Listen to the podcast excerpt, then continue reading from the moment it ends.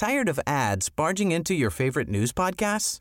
Good news. Ad-free listening is available on Amazon Music for all the music plus top podcasts included with your Prime membership. Stay up to date on everything newsworthy by downloading the Amazon Music app for free or go to amazon.com slash news ad free. That's amazon.com slash news ad free to catch up on the latest episodes without the ads. Om ni kunde återuppliva vilket djur som helst, vilket skulle ni välja? Eh, Jag skulle återuppliva dronten, för det är en ganska cool fågel. Jag skulle ta jättesengångarna. Det är liksom sengångare som är lika stora som elefanter. Gud vad roligt, jag visste inte så att det hade funnits. Men Viktor, jag håller helt med dig om dronten. Det var precis samma sak som jag hade tänkt ut. Ja, men den är ganska cool ju. Ja. Plus att eh, man vet inte riktigt hur den såg ut. För att alltså, allt som finns är ju bara så här målade bilder av den. Och på de målade bilderna ser den ju rätt cool ut.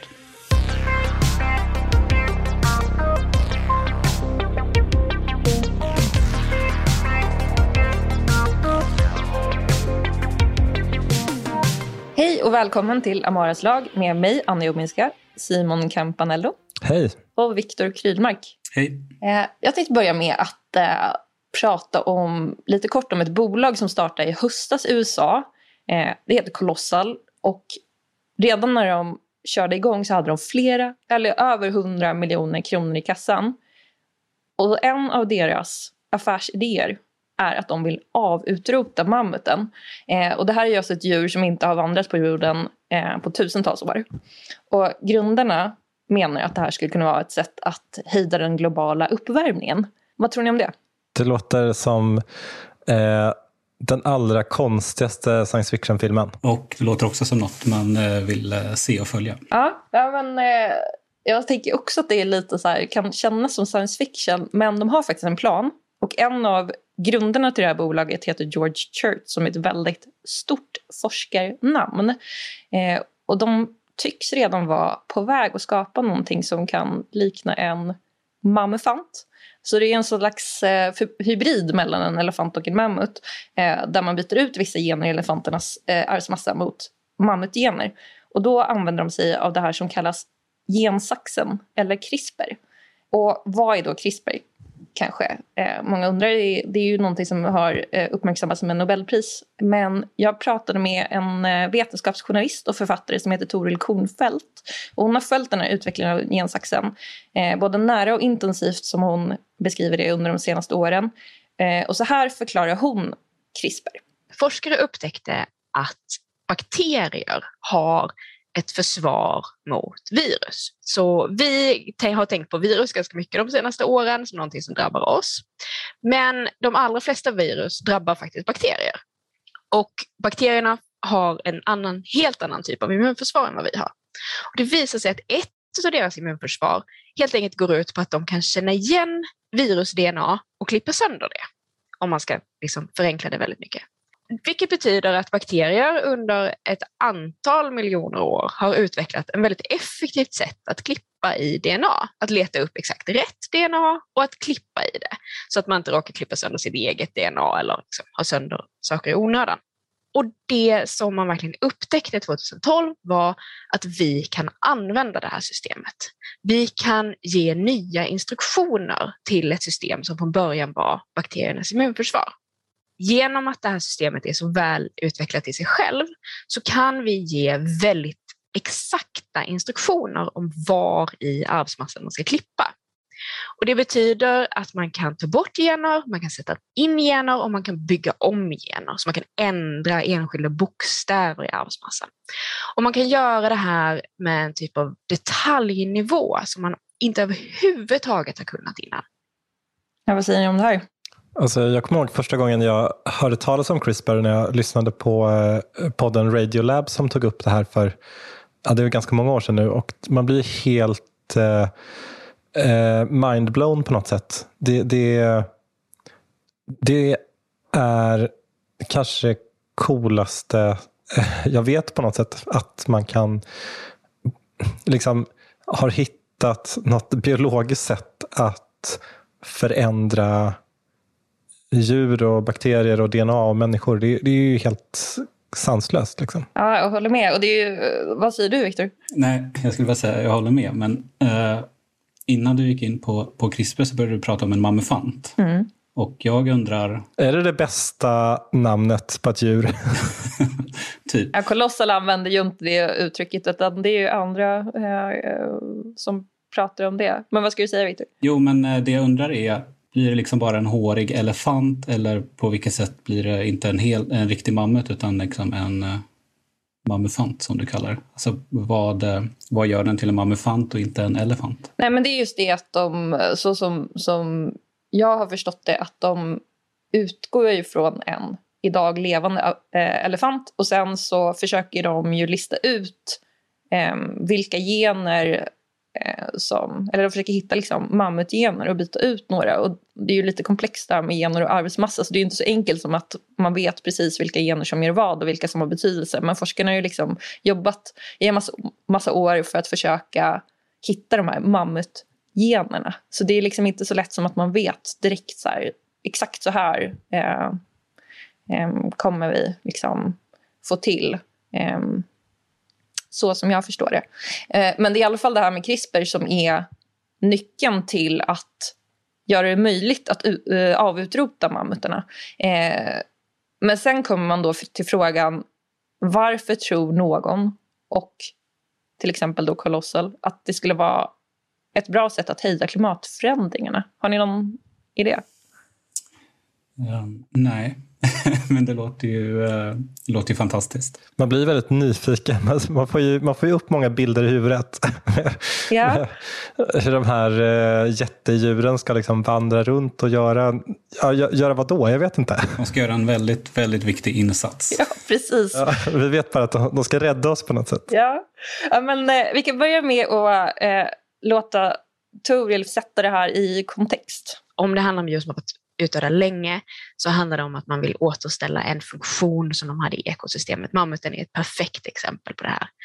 Därför att man ser att eh, det ekosystemet som fanns runt liksom, i Sibirien och andra delar av liksom, norra halvklotet var ett ekosystem som fungerade väldigt väl eh, och som höll marken frusen väl under liksom även sommarhalvåret. Så att det verkar som att man kunde liksom hålla marken frusen under kallare, även under lite varmare perioder. Så att, att få tillbaka det ekosystemet, hoppas de här forskarna, skulle kunna leda till eh, ett friskare ekosystem som också kan hantera det faktum att det finns extremt mycket kol bundet i permafrosten i Sibirien som håller på att smälta nu, vilket ställer till jättemycket lokala problem och jättemycket globala problem. För att om, om det här kolet som smälter och bryts ner och kommer ut i atmosfären så spelar liksom inte våra ut. Tired of ads barging into your favorite news podcasts? Good news. Ad-free listening is available on Amazon Music for all the music plus top podcasts included with your Prime membership. Stay up to date on everything newsworthy by downloading the Amazon Music app for free or go to amazon.com slash news ad free. That's amazon.com slash news ad free to catch up on the latest episodes without the ads. Introducing Wondersuite from Bluehost.com.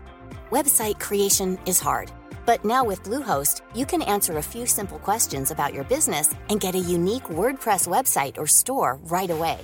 From there, you can customize your design, colors, and content. And Bluehost automatically helps you get found in search engines like Google and Bing. From step-by-step guidance to suggested plugins, Bluehost makes WordPress wonderful for everyone. Go to bluehost.com/wondersuite. Särskilt stor roll längre. Ja, och jag ska förtydliga här att forskarna som Toril Kornfeldt pratar om här, eh, det är Sergej och Nikita Simov. Det är en pappa och en eh, son som bor i nordöstra eh, Sibirien. Och sen typ 20 år tillbaka eller någonting sånt, det är pappan som satte igång det här, så driver de någonting som kallas Pleistocene Park som Toril även har besökt. Eh, och det här är liksom ett inhägnat område med flera meter höga stängsel och där de försöker då återskapa det här ekosystemet som fanns eh, när mammutarna levde och vandrade där. Eh, och det de har tagit in där hittills är så här, bisonoxar och förra året tog de in kameler som de säger trivs väldigt bra och älgar. Och det här menar de då ska vara ett gynnsamt sätt att försöka få tillbaka den här växtligheten som fanns tidigare och samtidigt bidra till att permafrosten då inte ska smälta. Eh, och så hoppas de alltså att få dit mammutar. Så idén är att betande djur de rotar i snön och sen ser de till att det då kommer ner kyla i marken när de liksom rotar upp. Och då ser de helt enkelt till att permafrosten inte blir varmare. Men då kan man också fråga sig så här, varför skulle det inte räcka med typ bisonoxar, de djuren de har. Och det frågade jag Nikita Sinomov om. Ehm, och jag kan säga så här, att det finns viss, ehm, en viss grej där med att mammutar verkar ha varit väldigt bra på att välta träd. Eh, vilket skulle göra det lättare för gräs att växa. Eh, men vi kan lyssna lite på vad Nikita säger om mammutarna. We think that with mammals the ecosystem will be much more aggressive. It will be able to invade new territories much faster. So for example, uh, by, uh, mammals will break down shrubs and small trees much better than, for example, bison will do, just because they're several times bigger. So that's a one big walking bulldozer. And the more biodiverse, the more niches you have in, in field in your ecosystem, the more sustainable your ecosystem. So for us, that's quite imp- kind of this is most important. En vandrande bulldozer kallar han mammuten. Man får en så himla, där får man verkligen en fin bild av hur de bara går omkring och så äh, mörsar ner allt i sin väg. Jag ska aldrig kalla mammut för något annat än en vandrande bulldozer. Det bästa jag har hört. Ja, men eh, jag köper nu. Jag köper mammutarna rakt av efter Nikitas förklaring faktiskt. Vi ser framför oss, det går en massa mammutar nu i Sibirien nu, men jag tänker i någon slags nära framtid. Och så lyckas de göra det här som de vill göra i Pleistocene Park, att liksom återskapa det här gamla ekosystemet som de menar är då bättre för klimatet. Det kanske låter lite så här flummigt. Eh, men jag frågade lite om så här, vad skulle effekten bli. Har de räknat på det? Eller liksom hur, hur har de kommit fram till att det liksom faktiskt skulle spela någon, någon roll? Eh, och då säger Nikita så här. We promote the growth, the growth of grasses, herbs, uh, willow shrub. All of those plants are very uh, rapidly growing and they develop very deep root system. So basically, we replace the vegetation which doesn't have any roots into the into the vegetation which is uh, sucking the CO2 from the atmosphere and boring it down in the ground where it will stay for a long time. And this can, uh, according to our estimates and measurements, uh, bring around 300 grams per square meter per year of carbon. So it's over a kilogram of CO2 per square meter can be sequestered every year. And that's accounting how big is the Arctic. If you expand our experiment on the entire Arctic, that will it will not solve all the climate change issues, unfortunately, but it will be very substantial and noticeable support. Mm. Så han kopplar alltså då, mammutarna skulle liksom bidra till att det här öppnare landskapet som gör att gräset kan växa och menar då att det skulle kunna bidra till en ja, synlig liksom skillnad eh, som påverkar då klimatet i positiv riktning. Vad tror ni? Ja, men det är ganska sanslösa siffror om man börjar, räkna, äh, börjar liksom extrapolera en, ett kilogram koldioxid per meter sam, kvadratmeter samma. Ja, jag tror det. Mm. Över tusentals kvadratkilometer. Det måste ju bli enorma summor om det, om det liksom blir verklighet. Precis, sen har jag förstått av alla är väl inte överens om den här forskningen så det, det kanske inte är så att det råder konsensus men det är spännande att tänka på om det faktiskt skulle kunna funka och sen just för att permafrosten är så himla eh, avgörande. Alltså skulle permafrosten smälta precis som Tori pratade om så skulle det ju innebära väldigt mycket eh, växthusgaser som släpps ut. Har du någon tanke? Viktor? Nej men apropå det som du sa, som eh, Tori sa att, eh, att det är sådana enorma mängder växthusgaser som ligger gömda där. Det känns ju ett superläskigt och två, men jag vet inte, att vi sätter liksom eh, hoppet till mammufanter. Att det är det som blir lösningen, ett, ett ut, utrotat djur som ska komma och rädda mänskligheten. Inte, det är fint på något sätt. Lite kul om det är liksom mammuterna av allting som vi diskuterar för att göra någonting åt klimatförändringar. Vi pratar liksom om allt ifrån förstås och så här, omställning från eh, fossila bränslen till liksom, eh, förnybar el och allting. Och sen så kommer mammuterna in i det här. Ja. Det känns eh, så tråkigt för eh, Elon Musk att det är en mammut och inte Tesla som räddar världen. Man vet aldrig, han kanske kommer att starta ett eget bolag som bara Ja, nej, men jag vill, jag vill ha en piece of this. Ja, en robotmammut. ja. Jag satt precis och tänkte på det att det är konstigt att det här kanske blir lösningen och inte typ, alltså typ en mammutrobot som är drivs av solceller eller någonting som ska gå böka och gå liksom remote. Utan att det blir ett, ett levande djur eventuellt. Ja, ja vi, vi får se vad som händer. Eh, jag ska säga en kort sak. För att jag tänker Pleistocene Park. Eh, det är säkert några av er där ute, kanske Simon Victor också, som tänker på den här filmen som kommer i början av 1990-talet. Som någon kanske har sett. Kanske några gånger. ja, några gånger. Handlar om att återskapa dinosaurier med hjälp av genteknik. Um, så jag frågade förstås Nikita Simov om Pleistocene Park. Var kommer namnet ifrån? Clearly uh, the name uh, came and it was inspired by Steven Spielberg movie. Which I think actually it's a great movie, so I really like it. Där vet ni. Såklart. Det känns ändå fint om vi har eh, Steven Spielberg att tacka för klimatet igen. Ja, verkligen.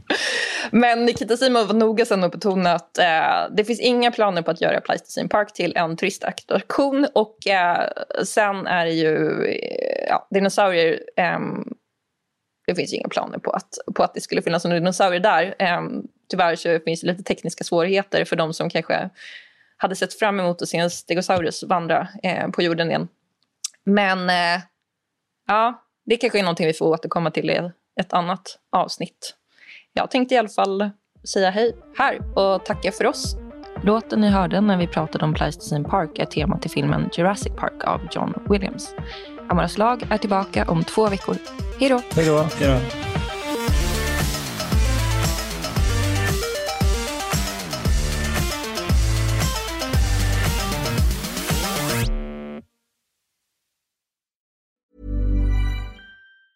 Tired of ads barging into your favorite news podcasts? Good news. Ad-free listening is available on Amazon Music for all the music plus top podcasts included with your Prime membership. Stay up to date on everything newsworthy by downloading the Amazon Music app for free or go to amazon.com slash news ad free.